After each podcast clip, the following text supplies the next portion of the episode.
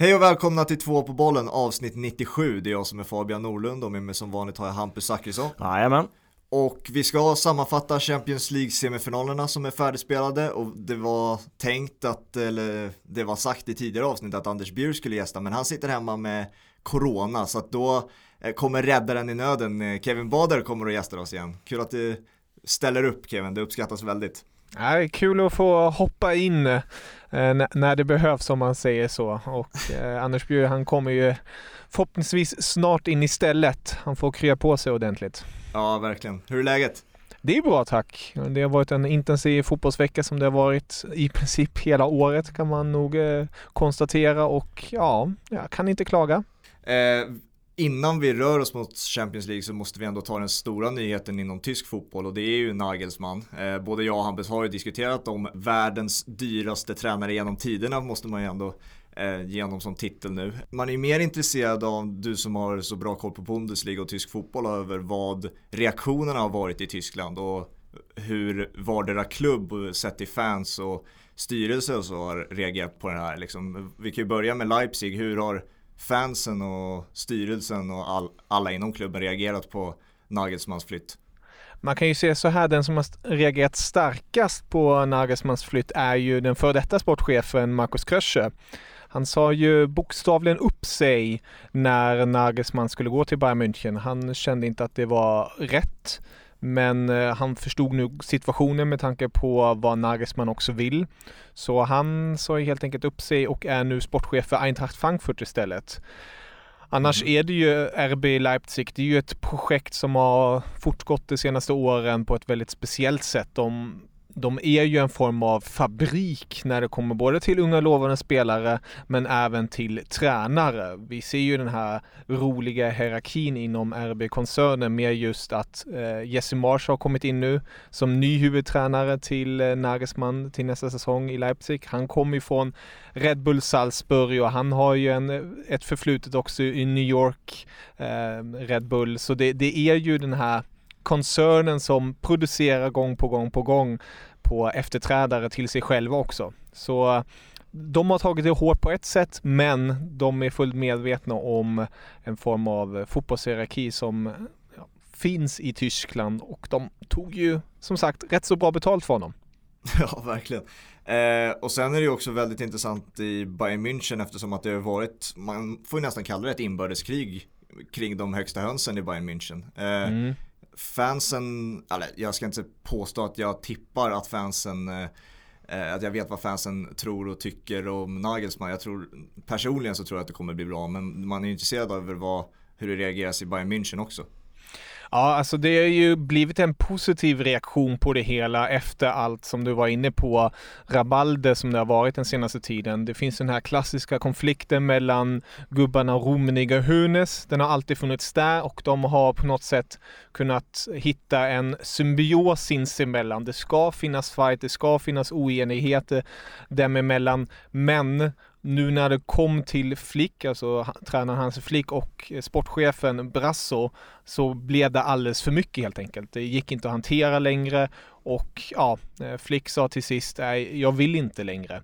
Så han fick ju som han ville, kontraktet blev rivet och in kommer då, eh, ja, den stora räddaren, den som de har velat haft så länge. Det är ju nämligen så att Olle Hunes var ju nära på att värva Nagelsmann faktiskt redan för, vad är det nu, sex, sju år sedan till Bayern München som U19-tränare. Mm. Men eh, då ville inte Hoffenheim släppa honom eh, och Olle Hunes som känner ägaren där bra sa då okej, okay, då låter vi det vara och väntar till framtiden. Och ja, nu är han här.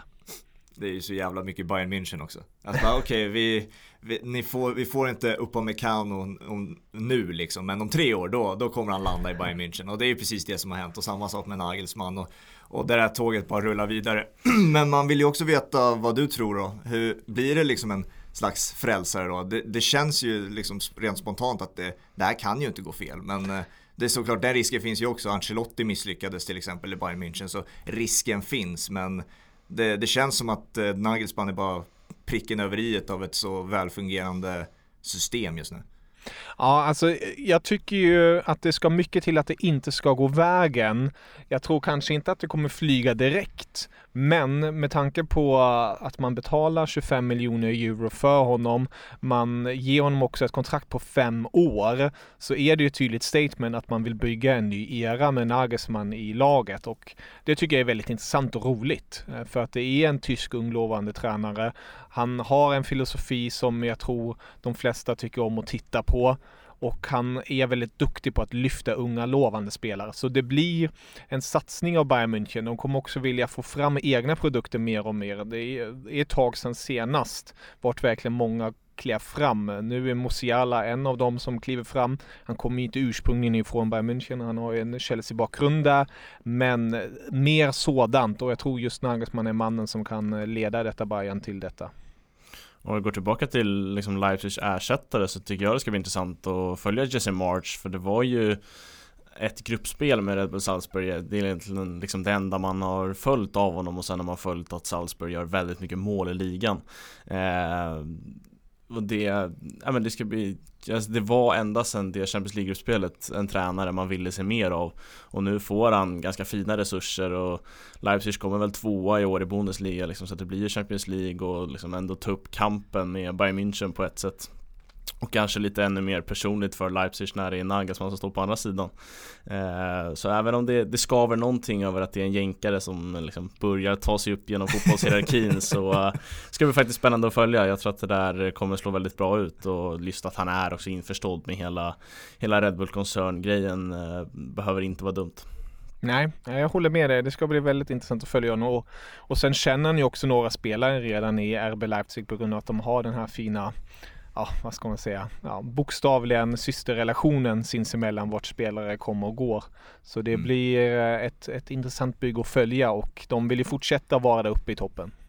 Ja, det, vi får se helt enkelt hur det utspelar sig nästa säsong. Men eh, vi rör oss mot eh, Champions League då, de färdigspelade semifinalerna. Eh, vi kan ju börja då med den första, pengarnas krig kallar jag den matchen.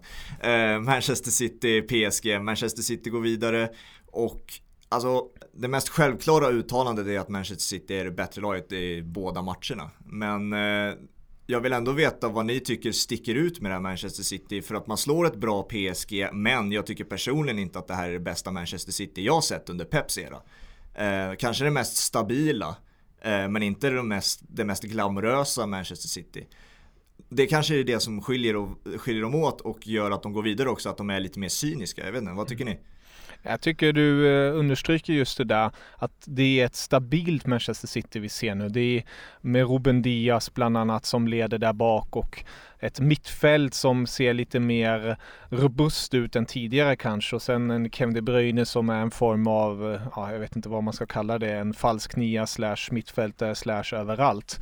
Det är ju på något sätt ett Manchester City som har skruvats på ordentligt under Pep Guardiola den senaste tiden när han har märkt att det inte riktigt har fungerat och sen kan man ju kritisera honom och ifrågasätta honom att han inte har kört någon anfallare eller så men det har ju visat sig fungera. Alltså de har sån mm. stark grund just och eh, de har sån starkt lag överlag så nej, jag tror det är framförallt det. Och sen kan man ju diskutera, är det här PSG det, det, det slagkraftigaste man har sett den senaste tiden? De, har ju haft, de hade ju lite otur med skador eh, och, och, sådant, men det, det gäller att vara beredd när det väl eh, är ja, match och det var de inte nu. Och det, det, får de helt enkelt äta upp. Och det, det, var nog bittert för Neymar att stå där igen med tanke på fjolårets eh, finalförlust.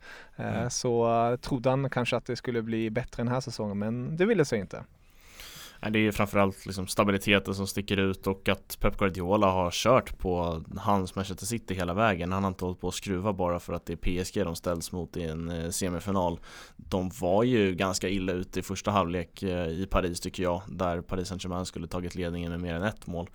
Eh, men liksom de bara nötte på eh, och sen eh, kan man ju kan man ju hävda att de fick liksom lite gratis två mål till sig men de tar ju vara på chanserna, de är äckligt effektiva och det är ändå liksom Det är Riyad Mahrez och ja, jag vet inte, det är ju typ bara Riyad Mahrez som gjorde mål i det här dubbelmötet men det känns som att de har inte den där målskytten Men när när en kille får läget då sätter han dit den. Så att det är ju ett, det är en maskin med liksom 11 toppklasspelare. Det läskiga med Manchester City tycker jag, om vi fokuserar på endast Manchester City, är ju sättet de kan döda fotbollsmatcher med ett bollinnehav. Alltså de kan spela av 30 minuter av en 90 minuters fotbollsmatch bara sådär. Och det har ju både nu PSG men också Dortmund framförallt fick ju uppleva det liksom. Dortmund kom inte nära dem. Ehm, I båda mötena hade jag för mig att det var, men framförallt när eh, Dortmund stod för hemmalaget, då var det liksom, de fick inte låna bollen på typ 30 minuter. Mm. Det, det där tycker jag att Pep Guardiola har tagit tillbaka lite från hans Barca-fotboll där liksom folk började hävda till och med att det var tråkigt. Eh, det är inte liksom Pep Guardiolas grundspel nu i City men det Barcelona var också helt galet bra på att döda matcher just med bollen i hav. De gick inte ner någon hörnflagga och ställde sig och döda matcher på så sätt utan de, de lirade runt tryggt och säkert och kanske skapade till och med någon chans här och var. Så att det där har han lite tagit tillbaka eh, och äh, det är eh, Ja men alltså en 1-0 ledning är, känns hur säker som helst för dem och sen har de ju liksom Ruben Diaz där bak som, ah, jag vet inte, det, det är svårt att liksom finna ord för att beskriva hans säsong. Han eh, är liksom, han verkligen älskar att försvara eh, och det, det måste man eh, liksom beundra. Mm. Ja, jag håller med där. Just den där grejen med att kunna spela av en match. Jag tycker ju den senaste säsongen har varit ibland så att de har försökt göra det men sen snubblat på sig själva och sen har det kommit hit en, ett kontringsmål eller så. Men nu med till exempel Kevin De Bruyne som falsk nia så har de till, till och med en mittpunkt längst fram som kan hålla i bollen och sen rulla vidare. Mm. Så det, det, blir spännande att se mot Chelsea just som de förlorade senast mot. Om, om Pep kan lösa det hela för att eh, det, det blir ingen lätt uppgift för det är ju, vi kommer säkert in på det nu senare när vi ska prata om Chelsea. Det, det är ett Chelsea som verkligen har tagit nästa växel. Ja, ja alltså jag var ju en av dem, om vi ska foka på Ruben Diaz som du var inne på där Hampus, att jag var ju en av dem som ansåg att eh, Van Dijk skulle vinna Ballon d'Or 2019 där, men av någon anledning så hittade alla eh, en eh, Ballon d'Or till till Messi, jag vet inte var den kom ifrån. Men det var inte bara jag som ansåg att eh, Van Dijk skulle ha Ballon d'Or det året. Eh, börjar Ruben Diaz närma sig den nivån tycker ni? Eller är han redan där? Ja, jag tycker definitivt att han, han ska nämnas i kanske van Dijks anda om man säger så, vad eh, van Dijk gjorde i Liverpool, eller har gjort i Liverpool rättare sagt. Eh, sen tycker jag att man ska avvakta lite, i alla fall till nästa säsong och se hur, hur det fortsätter så, men med tanke på hans debutsäsong ska han definitivt nämnas som eh, en av världens bästa mittbackar. Ingen snack om saken. Verkligen, det blir väl svårt. Han kanske får player of the year i England, det vet jag inte. Men jag tycker att det står mellan han och Harry Kane lite grann. Men Harry Kane har varit liksom så otroligt bra. Han leder både assistligan och eh, målligan. Och jag står ju verkligen till den skalan att så här, individuella spelare måste bedömas för individuella prestationer och inte bara vad laget gör. Eh, och där har Harry Kane varit outstanding i år i Premier League. Eh, men absolut, Ruben Diaz är är ju liksom i talande stund den bästa mittbacken tycker jag. Eh, när van Dijk är out så får vi se vad liksom van Dijk kommer tillbaka till för form och förmåga. Eh, men nej, imponerar stort av Ruben Diaz. Om vi tar PSG då. Är ni besvikna på PSG? Vad de visade upp? För vi, vi kommer ju in sen som sagt på Chelsea-Real Madrid och där har vi, jag tror vi alla tre är eniga om att vi är jävligt besvikna på ett visst maränggäng men eh, alltså det PSG visar upp över två matcher, de har ju sina stunder men är ni besvikna över sett till 180 minuter?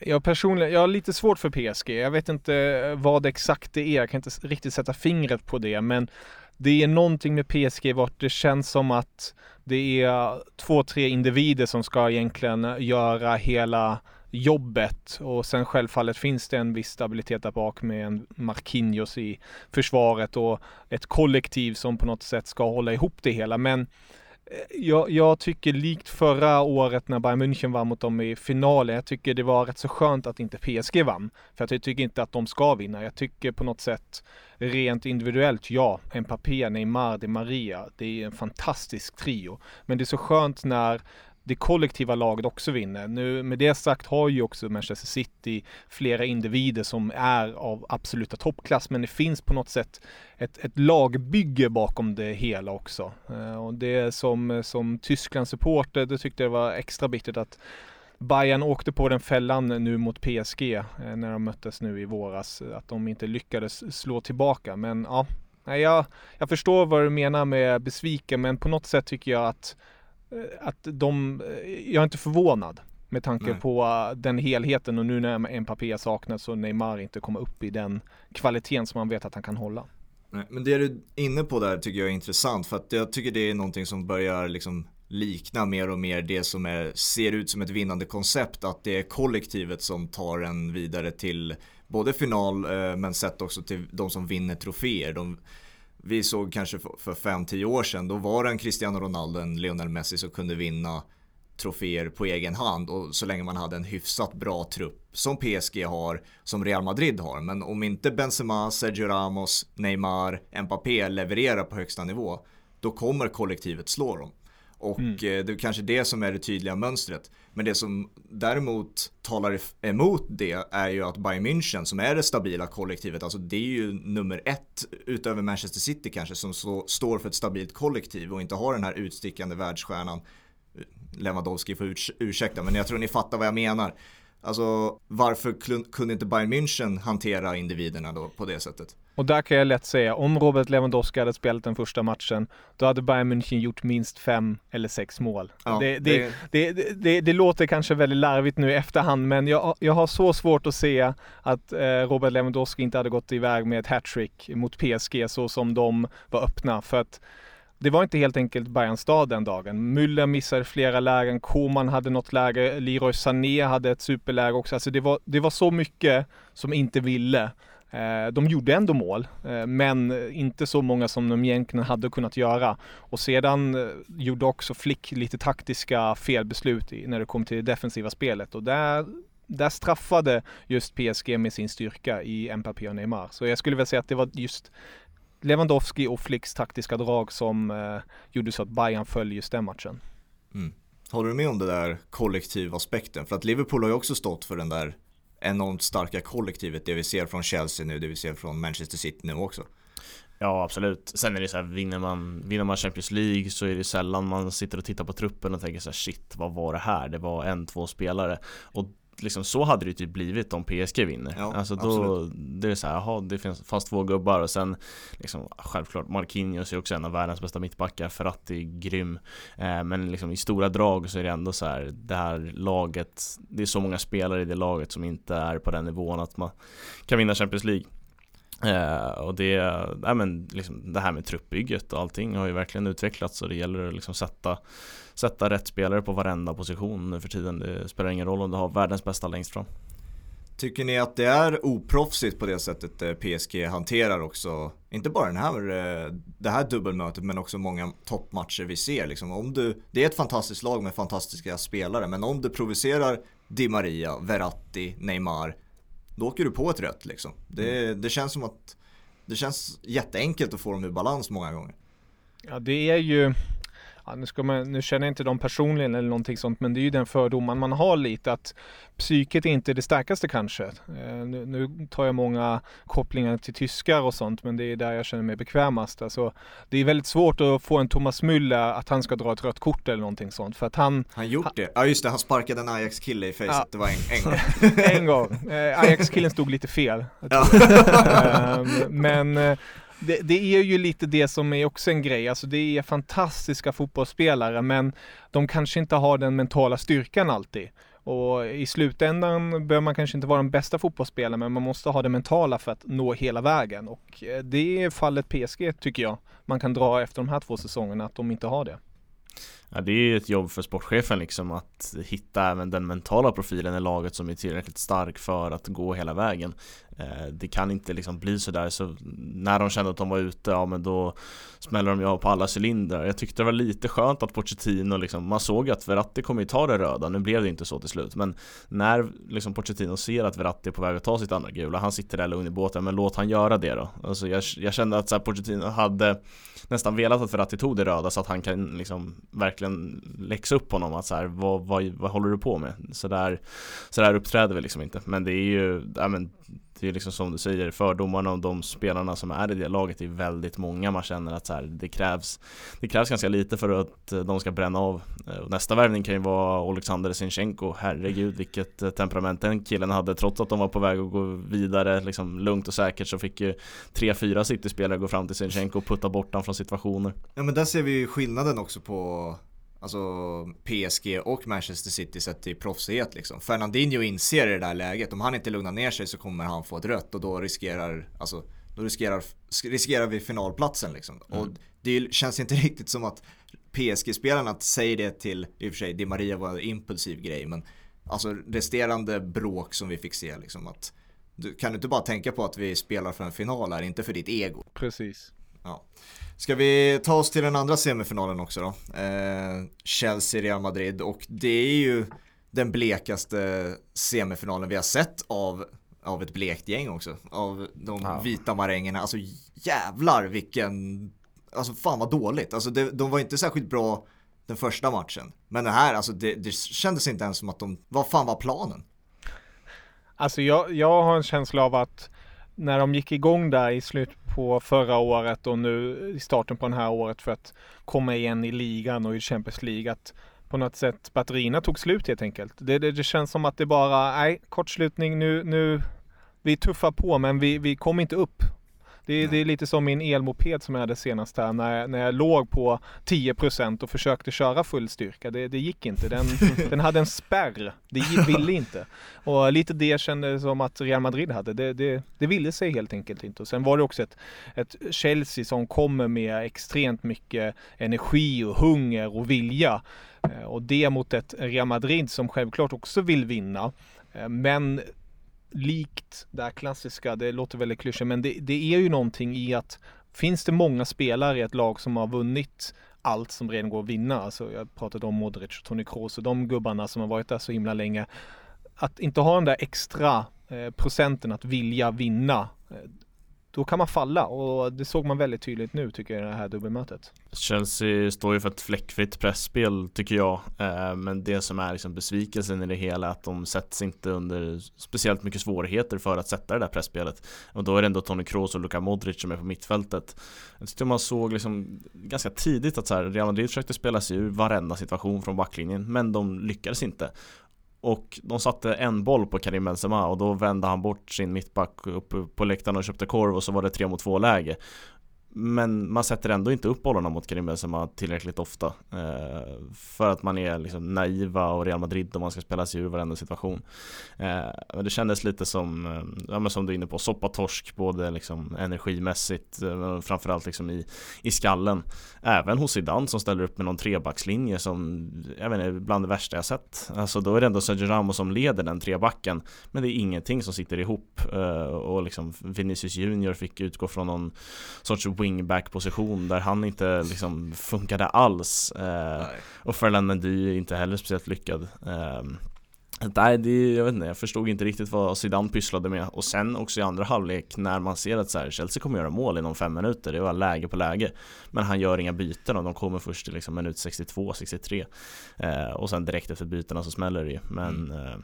Nej, det var, det var en märkligt blek insats men det är väl eh, soppatorsk och nu får Real fokus på ligan. Men det där läget på läget som du är inne på, eh, de, eh, de faller ju till två spelare också, två specifika tyskar.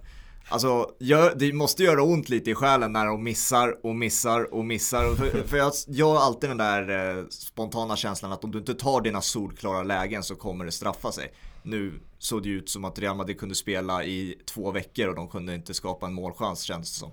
Men eh, alltså, alltså om de ville bryta normen av att Havertz, Havertz och eh, framförallt Werner missar allting, då var det den här matchen liksom. Men de, mm. tar, de tar inte sina lägen, jag fattar inte, var, lägg den bredvid honom, lägg den inte på honom.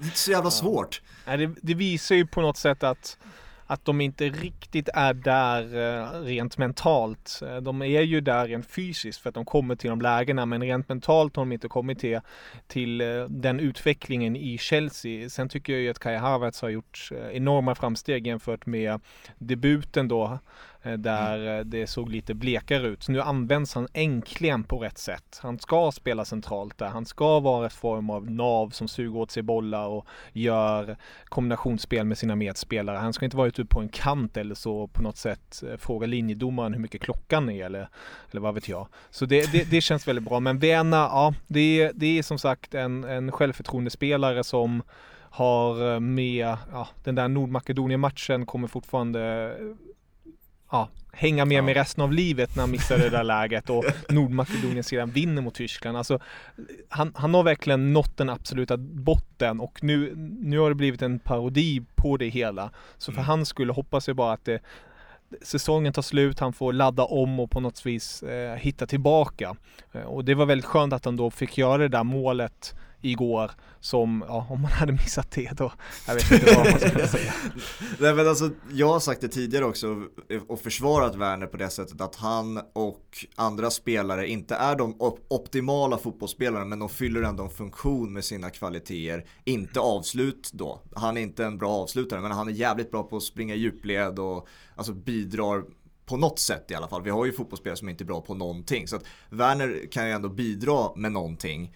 Eh, och sen var det ju också kul att säga, jag tror det var du som la ut eh, hans eh, statistik, både mål och assist. Det är ju hyfsade siffror ändå. Så att han bidrar ju med någonting. De är ju en Ja. Champions League-final av någon anledning. Precis, alltså, det finns ju en han- anledning till det. Han missar ju superlägen, det är därför man kommer ihåg, men han leder ju ändå assistligan slash målligan i, eh, i, i Chelsea. Ja. Eh, nu är Chelsea inte det laget som gör tusentals mål, men det säger ju ändå någonting att han, han har ju ändå gjort en helt OK säsong sett till siffrorna när det kom till målassist, men eh, sett till lägena borde han ju gjort det dubbla likt han gjorde i RB Leipzig. Men där är det ju återigen en grej, alltså han, han måste spelas på rätt sätt. Spelet måste byggas lite på det sättet så att han passar in eh, och sen måste han ha med sig självförtroende för då, då kan det slå ordentligt. Han gjorde ju 35 mål förra säsongen i RB Leipzig och det var inga eh, millimeter från eh, mållinje mål. Det var verkligen riktiga fina avslut. Men då var han på topp med självförtroendet. Mm. Nej men eh, Werner och Havertz tänker jag liksom inte skriva, skriva bort från någonting. Det, det, liksom, det finns väldigt mycket i de, eh, de killarna. Men en kille det inte finns någonting i Vinicius Junior. Ja, nej, men jag, blir, jag blir nästan arg på mig själv när man liksom har suttit och spelat ett kryss 2 och så jo men det kan säkert bli bra med Vinicius Junior. Det där, det där är ett praktexempel på en talang som är upphaussad för att han spelar i Real Madrid. Hade han spelat i Wolves hade han gjort 2 plus 2 och haft stora problem. Ja. Eh, så att, ah, jag vet inte. Man, han fick ju luft efter att ha liksom snurrat upp Trent Alexander-Arnold och jag älskar Trent Alexander-Arnold men i år så hade Saku Ylätupa haft lekstuga med den killen. så att, eh, nej, riktigt, riktigt trött på Vinicius Junior och hoppas att han blir liksom utlånad eller någonting för att Real Madrid är långt ifrån hans nivå. Ja. Alltså när det kommer till, om vi fortsätter på individspåret då så Jag tänker att det är framförallt två som man vill prata om Vi kan ju börja med det som har blivit den stora nyheten nu Det är ju Ed Hazard och det är inte på grund av det han spelar på plan utan att nu tycker jag att det har blivit lite för överdrivet att det står att han firar med Chelsea-spelarna. Det gör han ju inte, han drar ett skämt med Kurt Zuma liksom på plan och kramar om Aspilicueta Men alltså jävlar vad det vad media vände på honom snabbt där alltså. Det var ju liksom så här Ja, det går inte att förlåta honom efter det han gjorde tydligen. Men alltså så farligt var det inte. Eller jag vet alltså inte, fy jag vet vad det brinner i mig när jag ser det där. Och det är inte bara Eden Hazard som gör det här liksom. det, Man ser det här i varenda match. Eh, Derbyn, rivalmöten, stora CL-semifinaler nu liksom. Det är den ultimata spottloskan på egna supportrar att ställa sig och skratta med det andra laget som precis har gått till final När man står för den bleka insatsen också. Mm. det, liksom, Eden Hazard bytte han ens om igår. Och ändå ska han stå och skämta med Kurt Zuma efter. Det är eh, sån total brist på respekt mot sina egna supportrar och de som betalar ens lön Mm. Eh, Så att det, äh, det brinner i mig när jag ser sånt där och jag är glad liksom att inte ha hittat till, till svensk fotboll än för liksom när när mitt AIK börjar stå och skratta med liksom Djurgårdsspelare efter, efter derbyn, då vill jag inte vara med längre. Och Det tror jag aldrig kommer ske. Men det har liksom verkligen blivit en grej i, i fotbollen, att man ställer sig liksom och skojar och skrattar lite och försöker typ täcka munnen men glömmer bort det när saker är så roliga så att man inte kan hålla sig. Eh, Mm. Det, jag förstår inte varför man måste göra det precis efter, efter slutsignal på plan. Eh, Gå av, gör det i katakomberna där ingen ser. Om du ens behöver göra det, varför är du inte liksom tillräckligt besviken så att du bara vill gå in och sätta dig och vara bedrövad när du åkte ur en Champions League semifinal? Framförallt på det sättet. Så att, eh, nej, jag förstår ingenting. Ja, jag håller fullständigt med där och det, det blir på något vis eh, pricken över i med tanke på vad eh, Hazard har gjort i Real Madrid. Alltså jag såg väldigt tydliga siffror. Alltså han har gjort 39 matcher, 4 mål och 7 assist och missat 58 matcher på grund av skada. Mm. Han har ju varit hel ur form. Jämför man det med Chelsea-tiden, 352 matcher, 110 mål, 92 assist och sammanlagt 21 missade matcher. Alltså Mm. det är ju det är som att man bara jag vet inte vad. Han, han kom ner till eh, Medelhavet och skaffade sig en kagge och ville bara leva det fina, lugna livet. Men ja, ja det, det, är synd, Men, det är sorgligt. Ja, alltså jag vill ju inte ta aktionerna, jag håller med vad du säger. Alltså jag vill inte ta Hazard till försvar av det han gör. Jag, ty jag tycker jag bara vill ta honom lite i försvar på det sättet att han får, alltså hur många spelare som helst gör så här som du var inne på. Men det är Hazard som nu fick ta den stora smällen, alltså vi ser det vecka ut vecka in. Man tar, man, Hazard får den stora smällen för att det är en Hazard och att han har gjort det så jävla dåligt. Så jag tycker att alltså, reaktionen kunde ha kommit långt tidigare om vi ändå skulle fokusera på att det kramas och pussas efter och innan fotbollsmatcher. Det har hänt jättelänge. Eh, men jag håller ju med om att det står ju också för den mentaliteten han har. Alltså, hade Cristiano Ronaldo gjort så i Real Madrid? Antagligen inte, eller absolut inte. Han hade ju, han hade ju varit först ut från plan och in i omklädningsrummet, liksom, förba, fly förbannad liksom.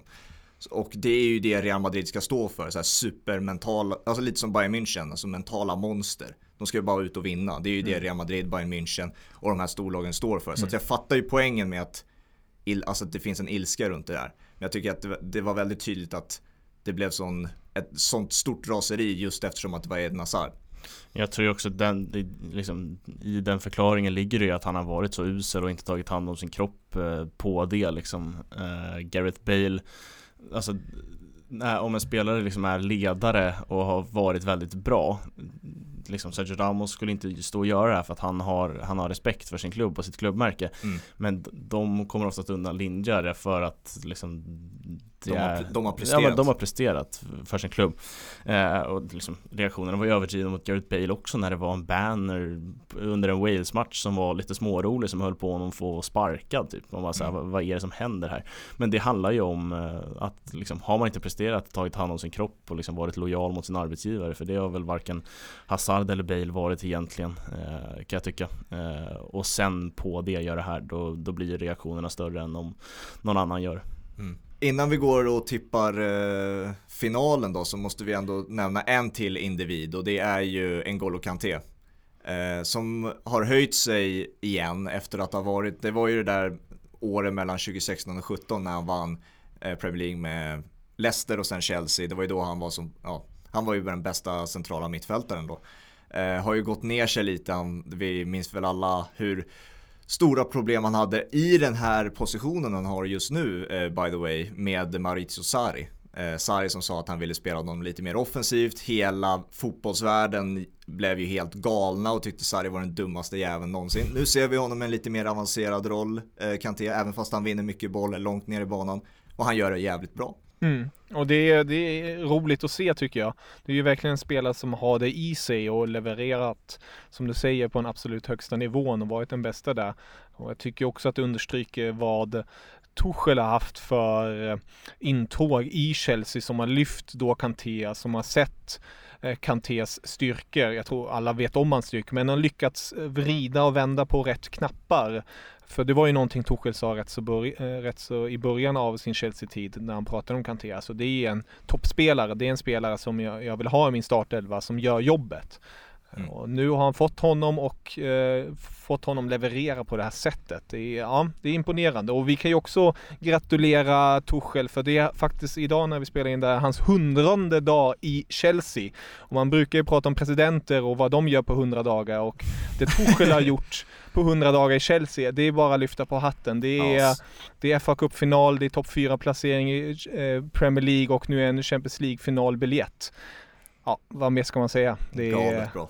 Ja, det är otroligt. Chans att ta, ta en dubbel här med två finalsegrar. Det hade ju varit eh, ett jävla intåg om det inte redan är det liksom. Mm. Eh, det är väl också, jag tror jag läste att det var fjärde raka Champions League-finalen med minst en tysk tränare. Eh, Fantastiskt ju. Ja. Men också, om vi tar oss till finalen, också spelare som är nyckelspelare som är tyskar. Mm. Eh, Gündogan är i Manchester City, mm. men sen också har vi många tyskar. Vi har varit inne på Havertz och eh, Werner redan. Men Antonio Rüdiger också. Mm. Han har ju steppat upp det återigen, för att det känns ju alltid som att han är favoritiserad av varannan tränare och varannan tränare sätter honom bland juniorerna. Så jag vet inte, det känns som en problematisk karaktär att ha att göra med. Men alltså, alltså när han är spelar så här, då är han ju, han är ju på Thiago Silva-nivån liksom. Mm. Ja, det, är, det är kul att se. Det roliga är att ingen av dem är given i det tyska landslaget. Eh, men ja, jag, jag är väldigt nöjd, speciellt ur det tyska perspektivet. Eh, om Real hade vunnit hade jag i alla fall haft Toni Kroos i finalen. Ja. Uh, och i PSG hade jag haft uh, Julian Draxler eller Kehrer. Så det, det, finns ju tyskar lite överallt, men just uh, i, i, Chelsea och i City har ju tyskarna verkligen stuckit ut både till det positiva och i Chelseas del till det negativa i vissa fall. Mm. Ska vi ta och tippa finalen då? Eh, det är långt dit, mycket kan hända. Alltså De Bruyne och eh, jag säger en annan nyckelspelare, N'Golo Kanté kan ju dra korsbandet men det, vi, får, vi tänker att de har fulla styrkor båda två. Eh, lite tråkigt eftersom att vi ser den här matchen minst två gånger per år så det är väl det enda negativa med den här eh, finalen att det är en Eh, eller det tycker jag i alla fall, att det är lite mm. tråkigt att det är eh, lag från samma liga. Så att vi vet ju på ett ungefär hur matchbilden ser ut. Det är bara att slå en repris på FA Cup, vad var det, semifinalen va? Mm.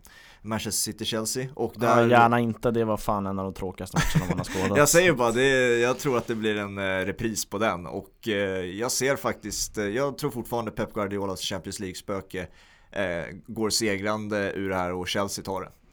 så att Pep Guardiola kommer få ett jävla, han kommer pussla på något sätt. För att det, det är det han gör bäst, han pusslar och så blir det för avancerat.